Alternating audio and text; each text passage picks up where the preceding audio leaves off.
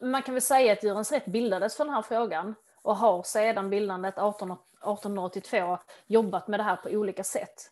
Och nu så har inriktningen på de senaste åren blivit allt mer mot politiker.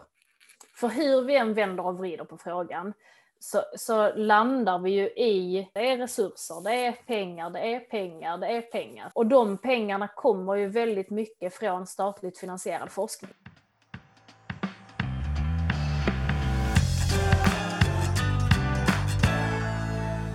Djurförsöksdirektivet det har ett mål om att ersätta alla försök på levande djur och det antogs för över tio år sedan. Men vad har egentligen hänt sedan dess? Har djurförsöken verkligen blivit bättre? Har de tre R, Refine, Reduce, Replace, verkligen implementerats i forskningsvärlden? Och hur kan vi garantera konsumentsäkerheten utan djurförsök? För att få svar på de här frågorna så har vi bjudit in Fia Kamlund som är forskare och doktor i biologi och vice ordförande för Djurens Rätt. Och ingen mindre än Jessica Johansson, verksamhetsledare på Jordbruksverkets 3R-center. Glöm inte att prenumerera på podden så att du inte missar ett enda avsnitt. Och jag börjar med att säga hej till Fia Kamlund. Hej Fia! Hej! Hej! Ja, vi ska ha lite introsnack som jag kallar du och jag för att du är ju vad jag kallar expert på det här med djurförsök. Och för att du är ju rätt insatt i ämnet, eller hur? Det är en ganska tung titel att vara expert med, eh, med djurförsök. Men absolut. Ja, för du sitter ju eh, som ledamot va? I nationella kommittén, det är så långt namn här, nationella kommittén för skydd av djur som används för vetenskapliga ändamål. Alltså vi säger ju NK. Ah, så det går, det går runt många förvirrade djurförsöksexperter inne på NK i Stockholm ibland kanske också? Ja, kan, det hade varit jätteroligt om de går runt där. Nej då. Men du, eh, jag, jag skulle ju kunna vara en sån som när jag tänker NK så tänker jag på NK i Stockholm. För jag är dåligt, eller pinsamt dålig koll har jag på djurförsök.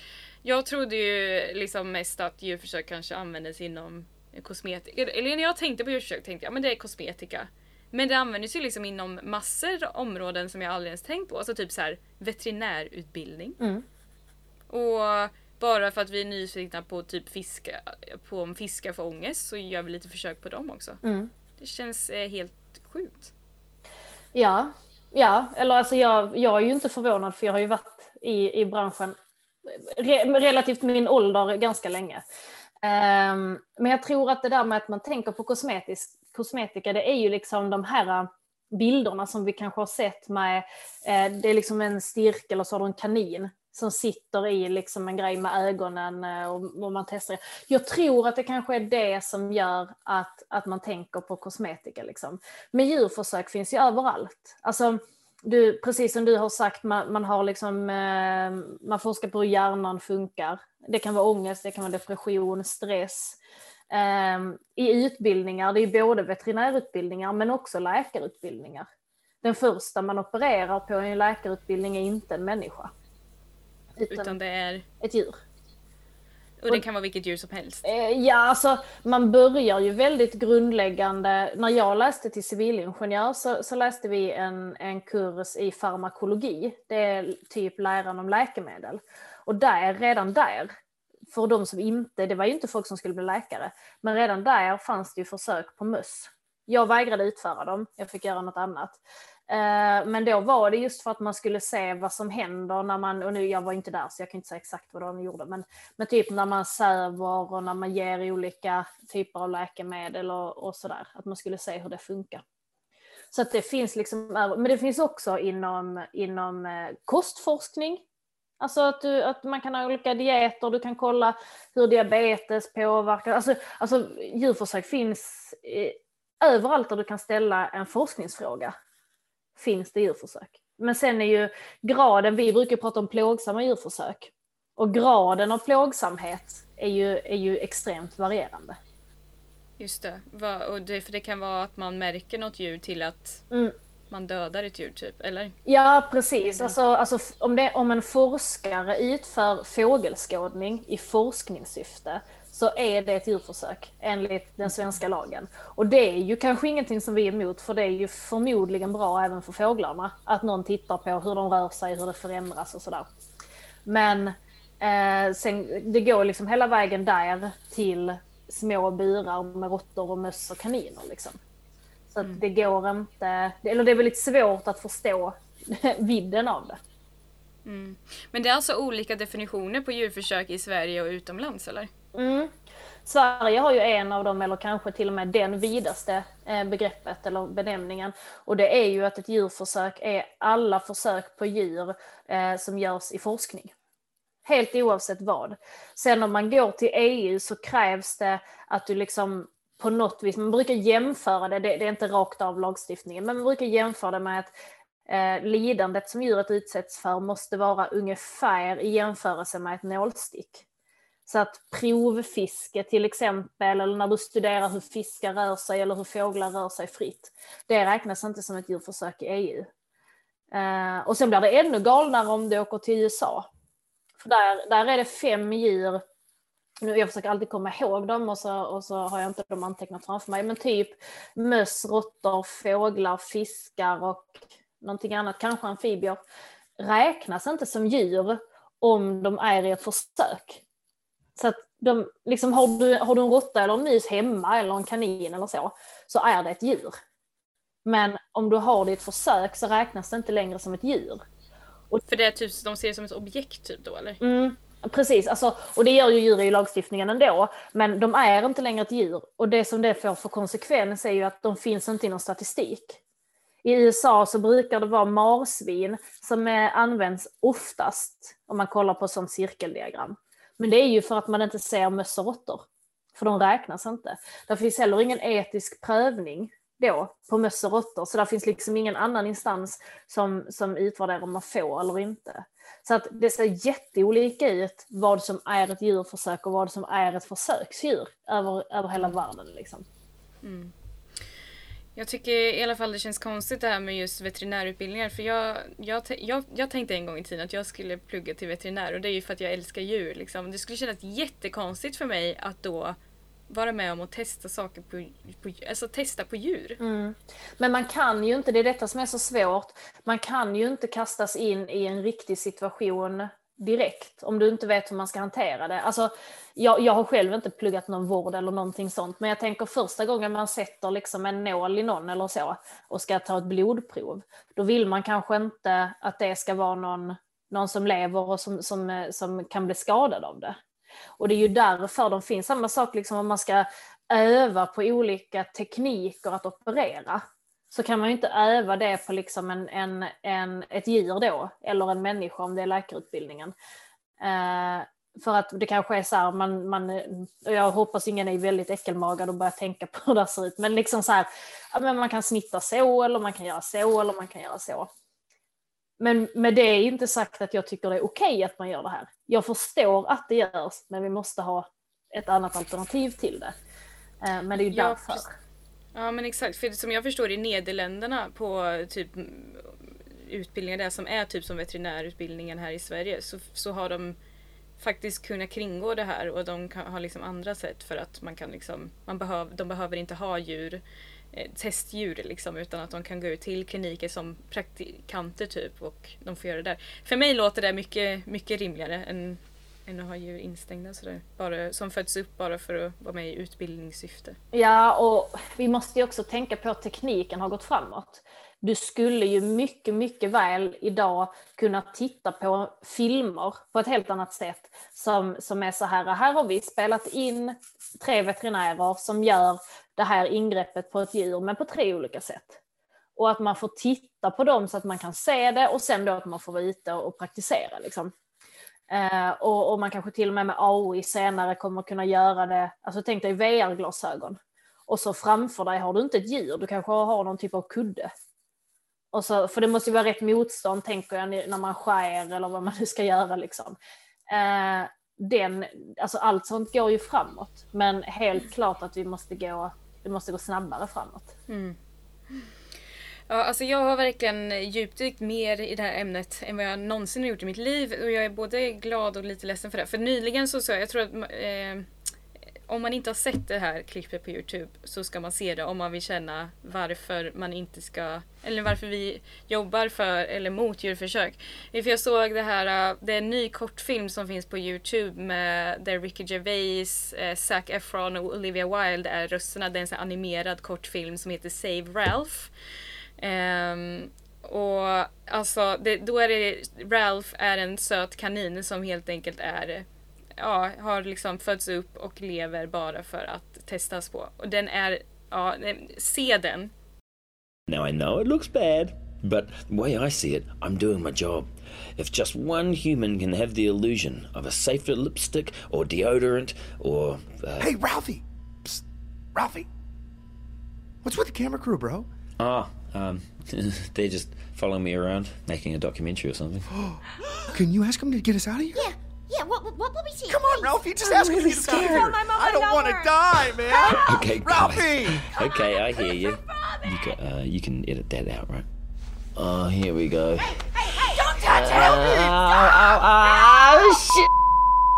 Men då, eh, det, man, det jag tänker då när jag ser den här och det som, för jag har fått in massa frågor också från våra följare och lyssnare. Och det som de flesta följarna ställde, det var samma fråga och det var hur kan detta fortfarande pågå? Hur kan vi fortfarande ha djurförsök? Ja, men det är ju för att vi i lagstiftningen, och detta gäller inte bara djurförsök, det gäller ju överallt, men att vi har satt människan och våra behov över allt annat. Så att i lagstiftningen så har vi gjort en, en bedömning att vi behöver testa saker. Dels för vår egen säkerhet när det gäller toxicitet, när det gäller läkemedel, Um, alltså ämnen som eh, låt säga väggfärg eller vad som helst som vi ska ha i vår närhet eller så. Saker som kan komma ut i vattendrag, allt sånt. Det måste vi, alltså där har vi insett eller ansett att det här ska vi, um, det här är så viktigt. Att, i, att vi kan åsamka andra lidande. Men sen har vi ju också gjort en bedömning att eh, grundforskning, alltså generella svar på hur funkar det här? Hur funkar det? Som är lite mer, vi kanske inte räddar liv idag, men vi kanske räddar liv om 20 år eller om 10 år. Um, att de frågorna också är så viktiga.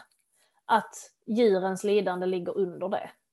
Och, och det, där, det, är ju, det är ju liksom svaret på frågan, att, att vi har ansett att det här är så pass viktigt. Att djurförsöken måste få finnas kvar.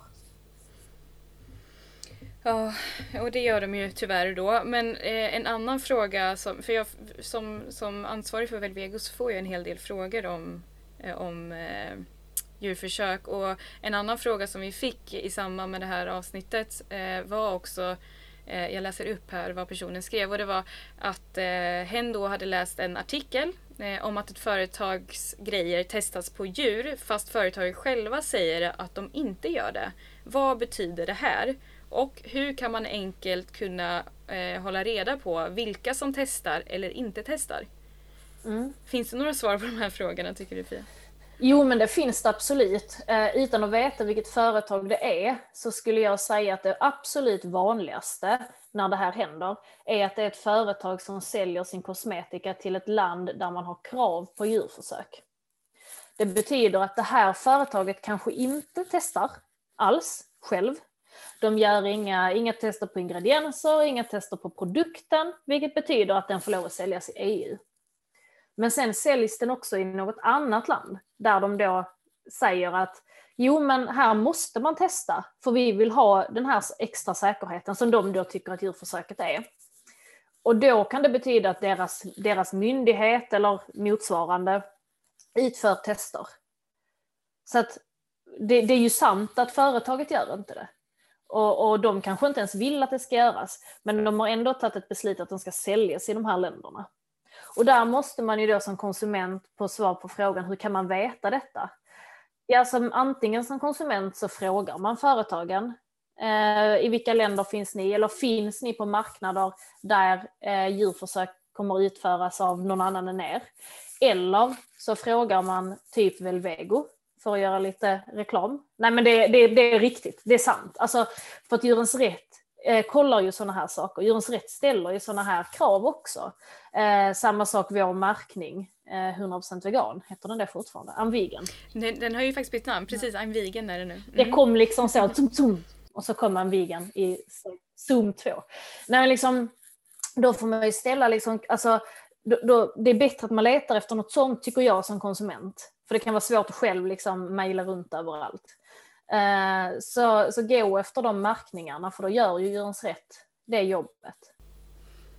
Precis, I'm vegan. Håll utkik efter det så eh, kan du vara mer safe och eh, ja, veta att du inte stöttar djurförsök. Ehm, men det finns ju, man kan bli lite så här ledsen kanske när man, när man tänker på djurförsök och så och hur många djur det är just nu som blir djurtestade och liksom sådär. Men det finns ju faktiskt hopp om framtiden och strax ska vi prata med Jessica Johansson som eh, är verksamhetsledare på 3R Center. Och då ska vi se här vad 3R är. Det måste du förklara för mig. För det är ju replace, det är ju 3R som är replace, refine och vad sa du? Reduce, refine. Reduce, tack! Men vad, är, vad betyder det egentligen? 3R? Om vi börjar från refine så betyder det att man ska förfina djurförsöket. Alltså minska lidandet. Så man har lika många djur, men djuren i försöket lider mindre. Det skulle kunna vara att de får bedövning tidigare eller, eller i ett skede där man kanske inte hade haft bedövning i vanliga fall. Eh, nummer två, reduce. Det betyder att du fortfarande får göra ett försök, men du har färre djur. Så istället för att ha tusen djur, nu hittar jag på siffror helt alltså. Nu, tusen, då pratar vi kanske fiskar liksom. Men, men istället för tusen så 500.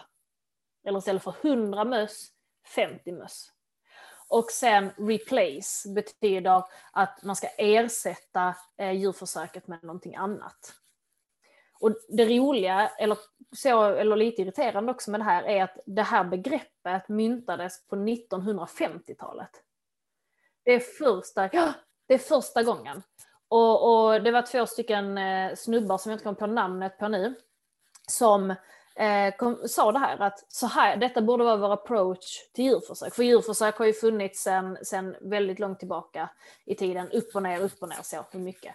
Och på 1950-talet så myntade de detta, att det här borde vara vår approach till djurförsök.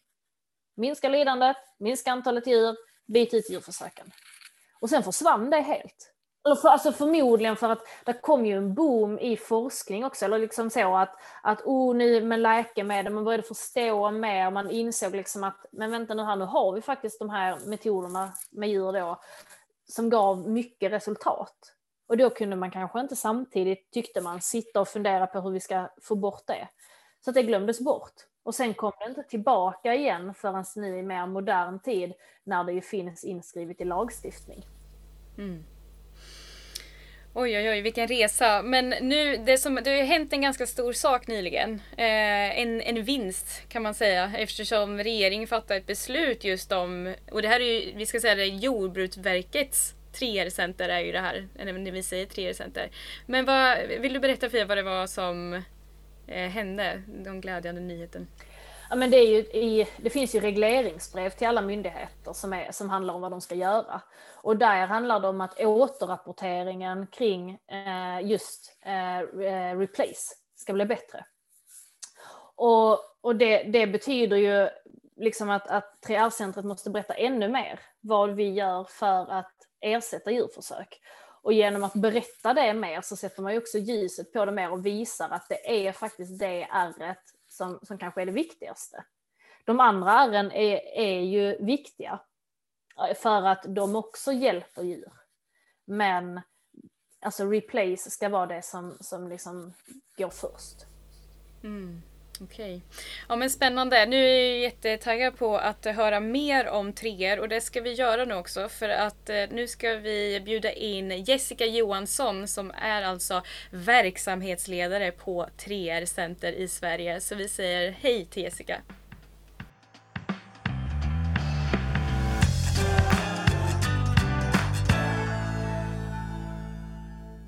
Du vet väl att du kan se våra poddvideos på vår Youtube-kanal? Sök bara efter Djurens Rätt på Youtube och hitta våra klipp där. Då säger jag hej till Jessica Johansson, verksamhetsledare på 3R Center i Sverige. Hej Jessica! Hej! Det är så kul att du är med och vi, eh, ja alltså framförallt, jag tror vi alla som lyssnar på det här är taggade på att höra mer om all kunskap du besitter. Men du är alltså som sagt verksamhetsledare på 3R Center. Eh, det känns som att det är mycket pondus i en sån titel, men vad innebär liksom ditt jobb och vad är det egentligen som ni jobbar med på ett 3R Center? Um, jag är verksamhetsledare för Sveriges 3R-center så jag koordinerar mycket av eh, arbetet som pågår. Vi är ett häftigt team på sammanlagt nio personer som jobbar. Sveriges 3R-center är ett eh, kompetenscentrum. Det är en samlande arena för att eh, driva eh, arbetet med 3R framåt. Och det handlar om kunskap för att ersätta, minska och förfina djurförsök i Sverige. Vi arbetar på uppdrag av Sveriges nationella kommitté för skydd av djur som används för vetenskapliga ändamål. Så vi arbetar gemensamt med dem för att öka djurvälfärden och få färre djur i försök. Just det, och det är där eh, Fia sitter i kommittén så att ni känner varandra rätt väl, eller hur? Vi, vi känner varandra rätt väl. Eh, Sofia är en av våra nya ledamöter som har kommit in i den nationella kommittén. Så Sofia kom in så pass sent som 1 februari trädde hennes förordnande i kraft. Mm. Kul. Men det man funderar på direkt det är ju om det fortfarande, för för mig känns det som att djurförsök känns väldigt ute. Men är det många som fortfarande använder sig av djurförsök idag? Det, det är svårt att, svara på utan att kvantifiera många och liksom vad man avser med djurförsök. För djurförsök är liksom allt ifrån att vi märker våra flyttfåglar till att vi testar nya läkemedel. Men gör man som så att man utgår ifrån hur många det är som just nu bedriver djurförsök i en försöksdjursanläggning och hur många det är som har godkänts för att genomföras, då kan man få fram de siffrorna på årsbasis. Och den typen av statistik publiceras helt öppet både på EU-nivå och även på Jordbruksverkets hemsida. Och vi på 3R-centret har också tagit fram en enkel infografik som visar och förklarar delar av den statistiken som var för 2019. Och där kan man liksom se de, de vanligaste djuren som används i forskning i Sverige och eh, vad man använder de djuren till. Så en, på ett annat sätt så kan man säga det att ungefär 5 till 600 försök ak har aktiva etiska godkännande per år i Sverige. Och vill man se vilka det är som genomförs eller har genomförts så publiceras också det i någonting som kallas för en populärvetenskaplig sammanfattning. Det är ett långt ord. Och även där har EU faktiskt släppt ett nytt verktyg väldigt nyligen där vi kan se alla medlemsstaternas eh, populärvetenskapliga sammanfattningar. Men som jag förstår det, du, du nämner de vanligaste djuren och så inom, inom djurförsök. Det, är det fiskar och typ råttor och möss som är vanligast? Eller vad, vilka är de vanligaste djuren inom djurförsök? Det är de som är vanligast. Om man, eh, och även om du tittar till antal. Så i Sverige så är det som så att djurförsök där tolkas all form av användning utav djur in som vi gör i ett vetenskapligt syfte. Och det innebär även att vi har vårt provfiske som liksom sker för att kontrollera vår miljö och så vidare. Det räknas också in som djurförsök. Det gör att fiskarna är ett gigantiskt antal i jämförelse med de andra arterna som vi gör, eh, som vi använder till djurförsök. Jag tror det är närmare 6 miljoner fiskar som, som används årligen och då är nästan bulken av det provfiske. Men sen, när man, sen får man göra ett rejält hopp ner i antalet djur som används och då är mössen de som är vanligast. Alltså jag har aldrig tänkt på att man kan göra djurförsök på fiskar. Det är, helt, och det är för att typ undersöka haven och sånt, eller? Det gör vi för miljöpåverkan och det kan även vara som så att ett företag Exempelvis när man bygger en damm så påverkar du ju naturen och du påverkar de djuren som finns i de vattendragen. Och då kan domstolen säga det att för att ni ska få ett tillstånd att faktiskt bygga det här så ska ni också mäta hur djuren mår och kunna redovisa det. Mm. Så i Sverige så mäter man fiskar bland annat genom AI och så man, man rör aldrig fiskarna utan man identifierar dem med hur de ser ut så att man kan följa en specifik fisk i ett specifikt vattendrag Mm. och se hur det mår. Mm. Så det är ett exempel. Sen så används zebrafiskar också väldigt mycket i ehm, standardiserad forskning som sker på försöksdjursanläggningar. Standardiserad forskning. Ehm, när du har ett forskningsprogram så att säga, du har en vetenskaplig fråga som du ska besvara. Aha, okej. Varför, varför används just dem? Det, det känns jättekonstigt. De har en specifik gen som gör att man kan få ut väldigt mycket forskningsresultat ifrån dem. Jaha, gud. Mycket man inte vet. Men fortfarande så, så känns det som att eh, jag och många med mig tycker ju att det är oetiskt med djurförsök helt enkelt. Eh, men hur kommer det sig då att det fortfarande används så här mycket och att det är en vanlig metod just för att säkerställa säkerhet och, för att forska? Ehm, lagen säger att man ska, eh, om det finns en djurfri metod som ger ett likvärdigt resultat, likvärdig kunskap som att använda ett djur, då ska den djurfria metoden användas. Det är vad lagen säger.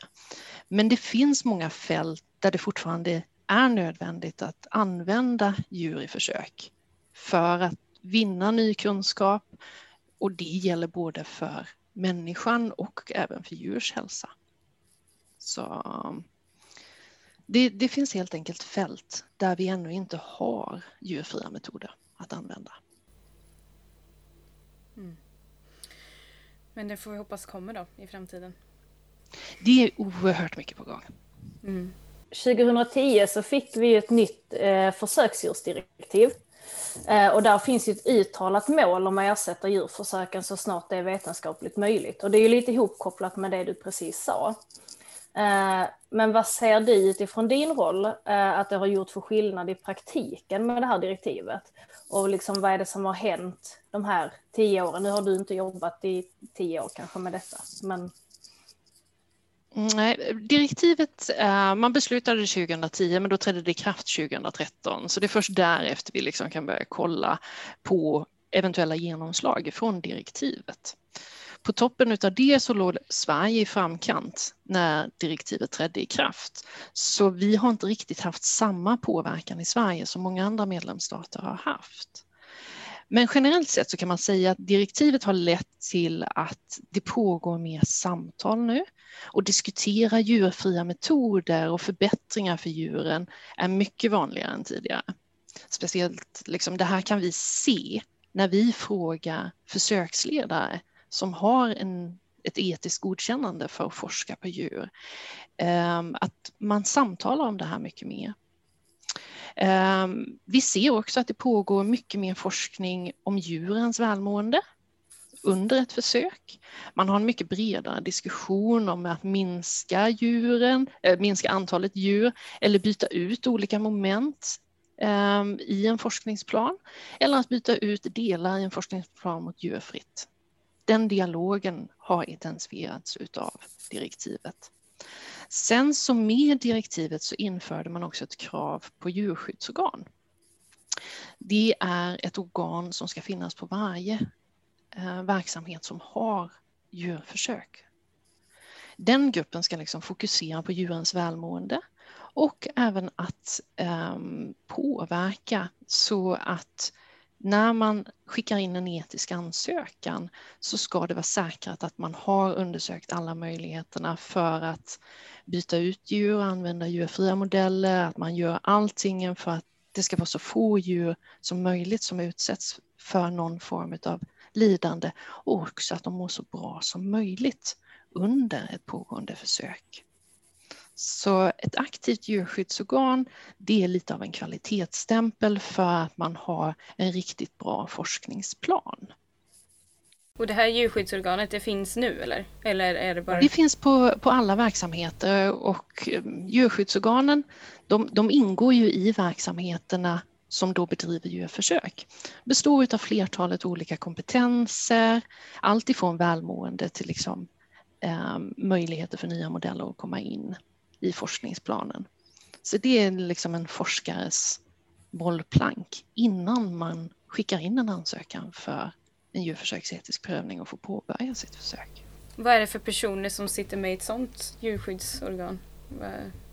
Man har eh, veterinärer sitter med, eh, människor med kompetens inom etologi, om förfinande modeller. Eh, man har också personer på verksamheterna som är ansvariga för en kontinuerlig kompetensutveckling utav personalen. Ehm, de sitter också ofta med i ett djurskyddsorgan. Mm. Så man, man plockar den bästa kompetensen helt enkelt för att kunna stötta alla forskarna in i en så bra som möjligt forskningsplan som bara går att få fram. Mm. Ja, intressant.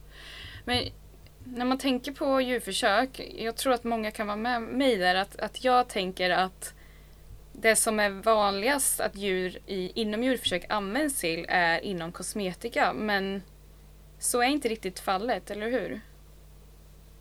Det finns flera metoder, det finns oerhört många olika forskningsfält, bland annat djurens egna välfärd, så att säga. det är en del av dem, miljöpåverkan och så vidare. Men det som är mest aktuellt idag är väl att vi använder dem för att eh, testa läkemedel.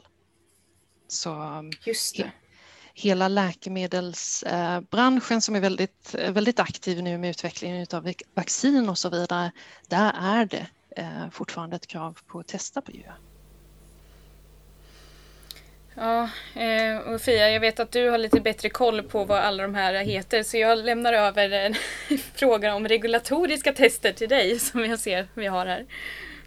Ja, precis, för det finns ju faktiskt, det finns ju regulatoriska tester som alltså är ett krav på att eh, om man ska få lov att ha den här produkten på marknaden till exempel, så ska den ha testats eh, på ett visst sätt. Eller man ska ha en viss typ av data kan man säga om den. Eh, och kan du då Jessica redogöra för vilka typer av produkter det är som, som testas på djur inom det här, eh, de här regulatoriska testerna? Ehm, det som är det, det, största området så att säga, som består av väldigt många olika beståndsdelar, det är eh, kemikalier. Um, kemikalielagstiftningen har fortfarande mycket tester som säkras på djur innan produkterna kommer ut på marknaden. Mm. Så det, det, är den största delen av det, men det är också den, ett av de områdena där de djurfria metoderna uh, går väldigt bra framåt. Mm. Varför, varför går det bra med de djurfria just där? Det är på grund av att många av de här testerna som man genomför ska ju testas för att vi ska vara säkra på att produkterna de kommer ut på marknaden inte påverkar naturen, inte påverkar människor, inte påverkar djur, liksom, så alla levande varelser inte påverkas. Ehm, och då även liksom, levande i form av växter och så vidare. Eh, så det är avgränsade områden, det är eh, mycket kompetens inom de här områdena också och produkter består ju ofta av redan kända beståndsdelar. Så det finns väldigt mycket data och det gör att det går framåt där väldigt snabbt. Mm. Just det. Och jag vet att det kan vara, som jag förstår det, att det är svårt inom typ, om vi tar, går tillbaka till kosmetika, att det är lite svårt att eh, hålla reda på att det kan komma liksom kemikalier som är djurtestade men det kanske står att produkten i sig inte är djurtestad till exempel? Vissa kemikalier går ju att använda i, i olika eh, produktfält om man säger det som så. Eh, men är det som så att man tittar just på på smink och hygieniska produkter som vi människor använder. Eh, så de är liksom, där är det inte tillåtet. Du får inte testa slutprodukten, du får inte testa dina provprodukter, liksom det, dina, eh, dina varuprover om man säger det som så, som senare ska bli en slutprodukt. Och man får inte heller testa de här olika beståndsdelarna gemensamt om de ska ingå i kosmetiska eller hygieniska produkter. Ehm, då får de inte testas på djur och då finns det andra tester som är djurfria.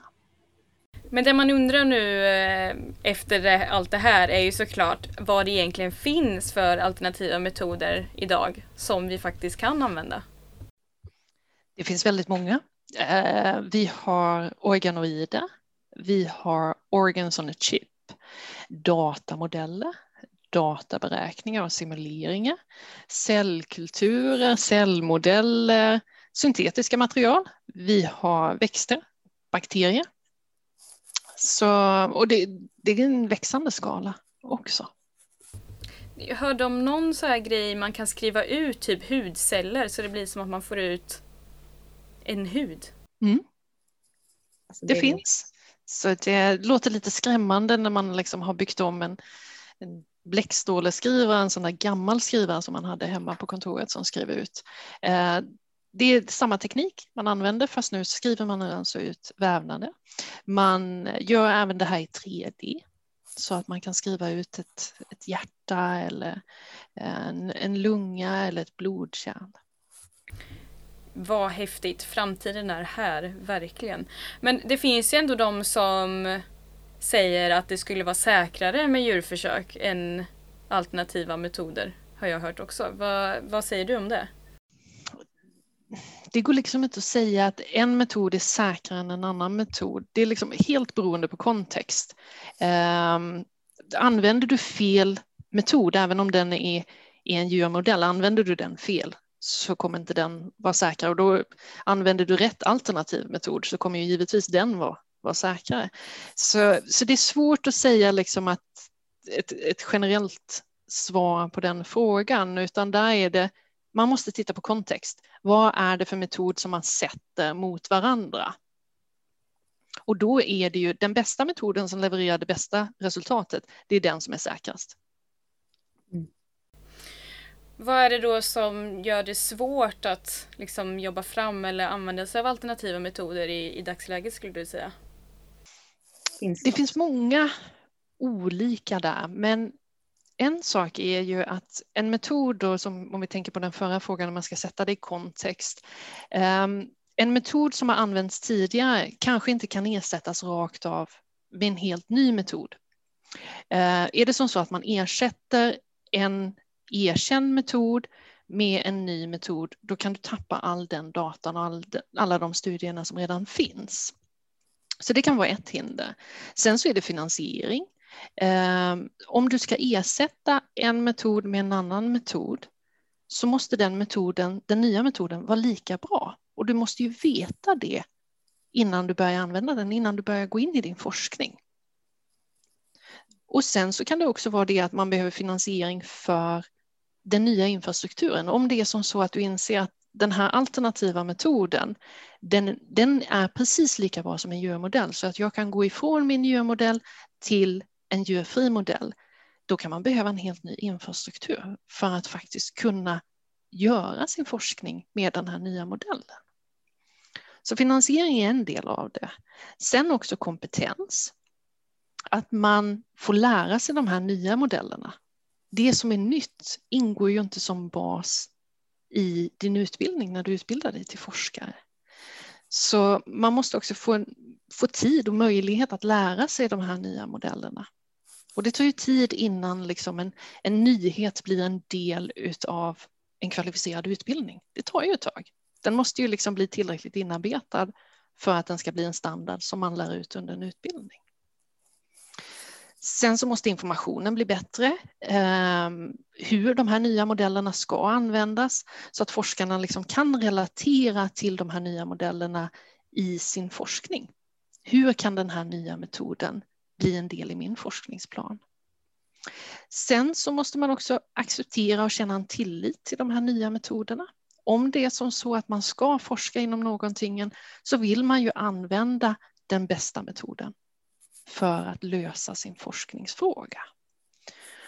Och då måste man få tid och utbildning och lära sig det också. Har man med sig den kanske från utbildningen så litar man på den by proxy. Men om du inte får tid att lära dig det nya så har du inte samma motivering och möjlighet att se den här metoden som den bästa i din forskning. Sen så finns det också det här med, med lagstiftning som gör liksom att ibland kan vi inte använda oss av de här nya metoderna på grund av att de kanske inte har tillräckligt med data för att blivit validerade och erkända. Så det är många olika saker som spelar in. Mm. Ja, mycket, mycket bra saker att veta om eh, som bara så här pågår och har man inte varit insatt i det här så det är häftigt att höra om tycker jag. Men Fia, du, vi pratade lite om det innan, det har ju hänt, mycket, det har ju hänt ganska mycket nu nyligen, eller hur? Ja, nu, nu händer det känns det faktiskt som. För jag har ändå varit i fältet i, i ett par år. Liksom. Eh, och bland annat så har ju Jordbruksverket och Triarcentret fått ett, eh, tycker jag, väldigt spännande uppdrag som om man ska förkorta det väldigt mycket handlar om att begränsa djurförsök i det nya regleringsbrevet. Finns det någonting mer du kan berätta om det än min, än min korta, korta eh, dragning om det? Ja, uppdraget i sig själv är inte ett, uppdrag i klassisk mening. En del gånger så får man ju ett uppdrag från regeringen att ni ska göra det här. Ehm, det vi har fått i regleringsbrevet nu det är ett återrapporteringskrav som också ska komma med i Jordbruksverkets årsredovisning. Det arbete som ligger till grund för den redovisningen som vi ska göra i årsredovisningen, där är vi redan på gång. Det är ett pågående uppdrag för 3R-centret. Nationella kommittén är de som beslutar vad centret ska göra. Och redan i december förra året så beslutade de att 2021 ska vara det året när vi arbetar fram ett underlag för att kunna öka användningen utav djurfria modeller. Det vi ser som viktigt i den texten i regleringsbrevet är att nu har området blivit ännu tydligare. Vi tycker det är positivt att regeringen vill lyfta fram allt arbete som faktiskt redan pågår och samla ihop det Ehm, för det pågår väldigt mycket ehm, på så många olika områden, på universiteten, på myndigheterna, på företagen. Ehm, och det är bra. Så det här tillägget gör att vi får en möjlighet att faktiskt visa upp allt bra som pågår och också lyfta vad det är som vi kan göra för att det ska bli ännu bättre, för att ännu mer ska ske. Och vill du berätta där någonting som, som vi får berätta eh, så, som vi gör mer än det du sa nu? Eh, vi, just i dagarna så har vi, eh, vi har startat en LinkedIn-profil för att samla många av de här som jobbar med alternativa eh, modeller eh, i någonting som vi kallar för ett replace-nätverk. För treassistentet står för de engelska orden eh, replace, Eh, reduce, refine. Och då har vi ett replacement-nätverk i Sverige för att komma i kontakt med och för att kunna lyfta all den här forskningen som pågår som är alternativa metoder. Vi har också workshoppar eh, där vi pratar om de här frågorna för att få fram den här kontexten som man behöver för att kunna redovisa så att, så att vi kan prata om Eh, vad har vi för möjligheter? Vad har vi för hinder? Vad är det vi i centret kan hjälpa till med att lösa? Vi har seminarieserier för att sprida kunskap. Vi har internationella samarbeten, eh, både på EU-nivå och inom specifika projekt. Vi samarbetar med andra myndigheter för att göra det lättare för dem att komma fram i de här frågorna och stöttar dem och hjälper dem att hitta information. Ehm, vi har ehm, med hjälp av myndigheterna också identifierat experter för att kunna ta fram de här underlagen för vad är det som behövs för att en ny metod ska kunna bli validerad och godkänd och senare av inlagd i en lagstiftning som att gör du det här så kommer din produkt eh, att kunna bli godkänd. Alltså det är massvis. Vi pratar med djurskyddsorganen för att se där. Vi mäter försöksledarna för att se trenderna. Um, utbildningar. Så det är massvis utav saker. Det går liksom inte att säga att vi har en lösning på, på det här ganska breda området, för då hade vi redan varit färdiga. Um, utan vad vi gör är ju vänder på alla de här stenarna som tillsammans bygger den här vägen framåt. Mm. Och som sagt, jag tycker verkligen att det har hänt mycket, eh, särskilt de senaste åren. Det är riktigt roligt att vara med i, i förändringen. Det är härligt. Det känns liksom hoppfullt på något sätt ändå trots att det är såklart är lång väg kvar också. Men Jessica, vi, eh, vi har lite lyssnarfrågor till dig också som eh, jag skulle vilja ta upp. Ehm, så det är våra följare som har ställt via Instagram. Vi fick ganska många ska erkännas så vi kommer absolut tyvärr inte hinna ta upp alla men eh, no några av dem. Ehm, och då är det första frågan som lyder eh, hur stor del, det har vi varit inne lite på, men hur stor del av läkemedelsindustrin använder djurförsök? Och då kommer vi till den här igen med att definiera del. Eh, läkemedelsindustrin använder inte djur på slentrian. Djurförsök eh, är bland det dyraste som finns för att validera någonting eller för att liksom kunna säga att det här är bra eller det här är inte bra. Ehm, så, så ser man det som så så använder läkemedelsindustrin ett absolut minimum för det är för dyrt och det tar för lång tid eh, att ta fram nya läkemedel om man baserar hela sin forskning på bara djurmodeller. Så i läkemedelsindustrin finns det en ekonomisk drivkraft. Det finns ett incitament för dem att hela tiden ligga på och hitta de ekonomiskt mest fördelaktiga eh, delarna och bara använda djuren där det är absolut nödvändigt. Så de är stora i den här kraften att driva efter alternativa metoder. Men det är också de som talar om för oss att det behövs pengar för infrastruktur ute på universiteten och på forskningsanläggningar för att få fram de här resultaten. Och inom vilket område används mest djurförsök då i Sverige? I Sverige är det inom grundforskningen. Som vi använder. Är... Om vi bortser ifrån det här med alla fiskarna liksom, som används i, i, eh, i provfiske, men då är det i grundforskning för att liksom kunna komma fram till, till bättre eh, läkemedel i slutändan. Just. Eh, men när, när tror du, för att eh, avsluta lite hoppfullt med dig Jessica, när tror ni, för det är en fråga vi fått också, när tror ni eller du att eh, vi kan ha en värld utan djurförsök? I, i Sverige så liksom, vi har ju tolkat djurförsök också som de här sakerna när du tar hand om ett djur, när du tar fram ny medicin för, för ett djur själv så även när vi forskar på djur för djur för att djur ska må bra och få bättre mediciner. Så med den lagstift eller med den tolkningen som vi har i Sverige eller lydelsen som vi har i lagen i Sverige så kommer vi aldrig komma ifrån den typen av djurförsök. Så det, för det, kommer, det kommer alltid ses som ett djurförsök, även när det är för djurets bästa. Men ser vi till de djurförsöken som är för oss människor, som är för det bättre för oss människor, Eh, som mediciner eller nya eh, behandlingstekniker och så vidare. Så beroende på hur mycket pengar det är som kommer in i de alternativa metoderna och hur, hur bra de är som lyckas att ta sig fram. Så förhoppningsvis under, under vår livstid. Oh, det får vi verkligen hoppas. Jessica Johansson, tack så jättemycket för att du eh, var med och eh, ställde upp på gästa Djurens Rätt-podd. Tack så väldigt mycket för att jag fick vara med.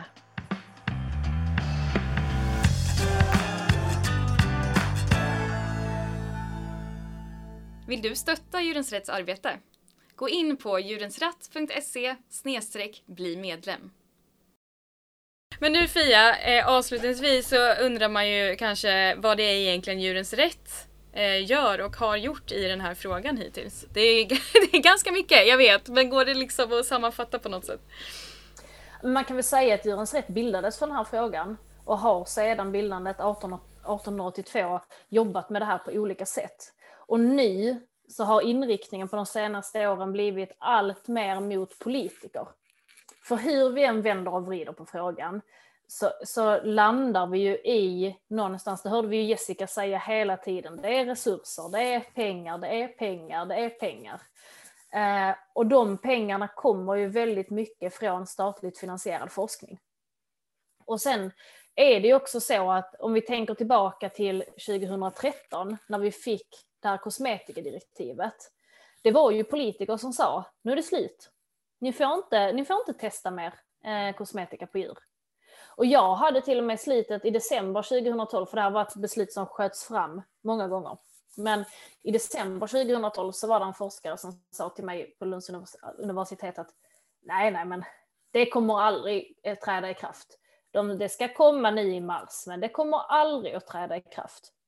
Och hon är jätteduktig. Alltså, det är inte hennes kompetens det var fel på, utan hon trodde verkligen att nej, det är alldeles för radikalt att ta det nu. Sen kom 11 mars 2013 och förbudet trädde i kraft. De sa jo, nu är det så att det, där är ingen mer djurtest på kosmetika. Och vad har hänt? Ja, det är inte så att sminket har försvunnit. Det är ju inte så att vi har haft stora liksom, eh, ja, att eh, oh, den här mascaran har förgiftat allas ögon. Folk har blivit blinda. Eh, huden börjar frätas av. Ingenting har ju hänt. Eh, mer än att vi har ännu mer eh, icke djurtestad kosmetika. Och så att det visar ju också att om politiker faktiskt går in och säger område för område att till det året så ska det väck. Då kommer ju marknaden och forskningen att anpassa sig. Det är ju till och med så att marknaden och forskningen ganska ofta vill ha tydliga riktlinjer, för då vet man ju vad man har att förvänta sig. Så det är därför som vi i Djurens Rätt jobbar så himla mycket med det politiska. För att viljeinriktningen och pengarna ska ju riktas åt rätt håll. Just det. Ja, alltså det här är ju verkligen en fråga som engagerar och för, just utsatta, eh, eh, liksom att utsätta djur för smärtsamma tester, det är ju liksom väldigt kontroversiellt och därför så är det ju glädjande att, som vi har nämnt innan, att regeringen nu tar frågan på allvar och ska arbeta fram en handlingsplan och sådär. Um, och därför så avslutningsvis, känner du som lyssnar att du vill engagera dig för djuren och undrar vad du kan göra så har jag tre saker till dig. Det första är att det finns en eh, namninsamling i en EU-kampanj som heter Act for Lab Animals. Den här kan du hitta på djurensrätt.se om du vill skriva under. Den andra saken är att som vi har nämnt tidigare i det här avsnittet är att helt enkelt leta efter produkter med märkningar. Till exempel I'm vegan-märkning, djurens rätt-märkning. Eh, eller Leaping Bunny, också ett sånt märke man kan leta efter. Eh, vegan Society och sådär. Och en tredje sak som jag har lärt mig nyligen det är att man ska vara försiktig med skönhetsingrepp och det gäller då framförallt botox. För varje batch av botox måste nämligen säkerhetstestas. Och även om det numera finns botox som inte testas på levande djur så används fortfarande det som kallas för LD50-tester ibland. Och det här är då ett test som i princip går ut på att se vilken dos som dödar hälften av djuren. Och man undersöker liksom då hur, hur många av djuren som, som kvävs efter att deras andningsmuskulatur har förlamats. Ja, det är så fruktansvärt. Och de flesta djur dör då alltså genom långsam kvävning efter två till tre dygn. Helt sjukt. Så för att vara säker på att undvika att bidra till det här, snälla gör verkligen så att du frågar kliniken om det här och ber dem att använda produkter från batcher som garanterat inte testas på djur. Har du något att tillägga där Fia? Nej, det var väl jättebra tips. Mm. Det tycker jag. Mm.